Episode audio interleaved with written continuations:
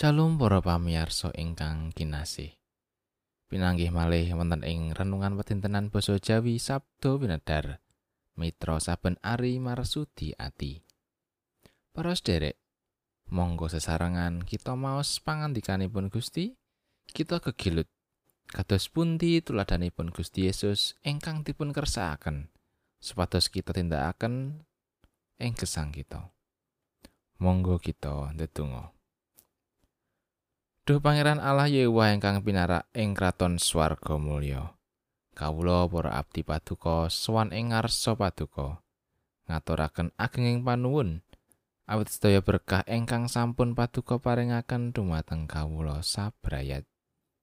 Samenika Duh Gusti kawula sampun sumadyo nampeni pangantika paduka. Mugi paduka kersa paring dawuh lan kawula kasagetna nindakaken dawuh paduka menika ing gesang kawula.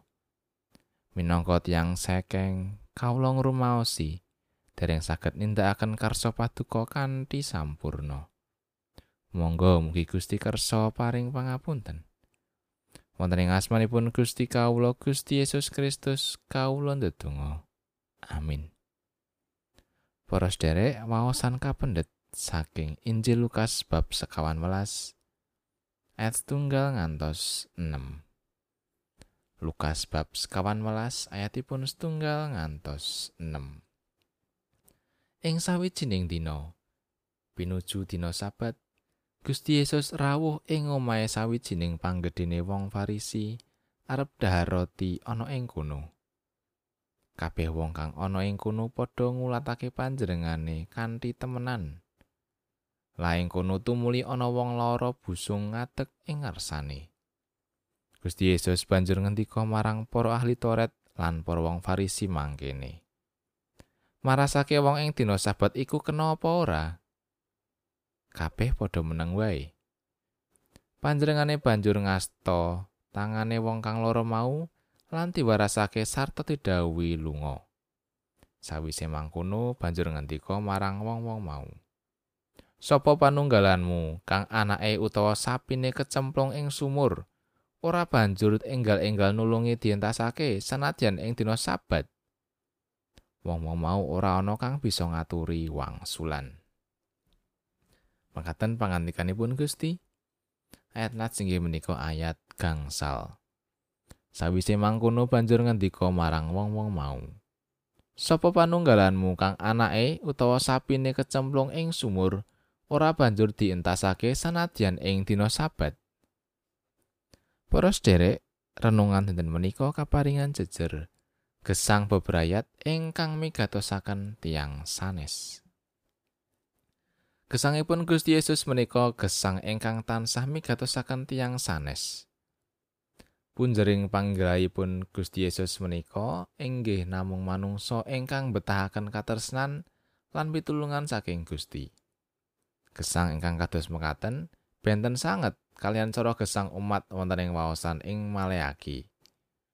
Anggenipun ngaturaken pisungsung kurban wonten ing waosan Maleaki, kapretelaken bilih pun jeripun tasih dirinipun piyambak. Umat sami mikir demi kauntunganipun diri pribadinipun umat.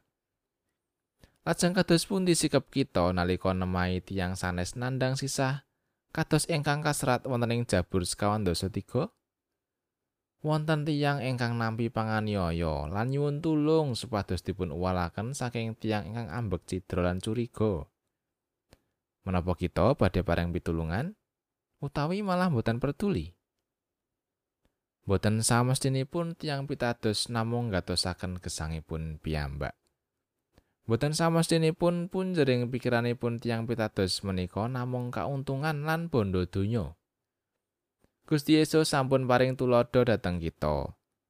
Supados wonten ing satengahing gesang boten namung migatosaken diri kita piyambak, ananging ugi paring pitulungan tumrap tiyang sanes ingkang betahaken pitulungan kita. Gusti Yesus piyambak sampun kersa repot nggatosaken manungsa. Tansah tresnani manungsa ngantos kersa ngurbanaken diri. Minangka pandherekipun Gusti, Sumangga kita nulat panjenenganipun ing salebeting gesang padintenan kanthi migatosaken tiang sanes. Amin.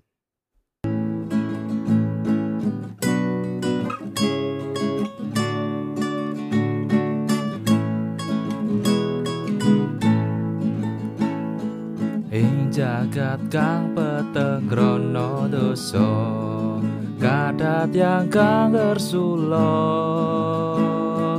Karono panandang samyong resah mewah semplaing mana. Sumangga gusti ngagem kawula mrengengetno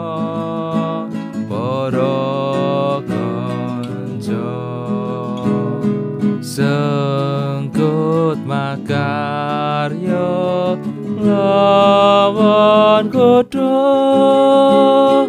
Tato berkah tumrap yang kadang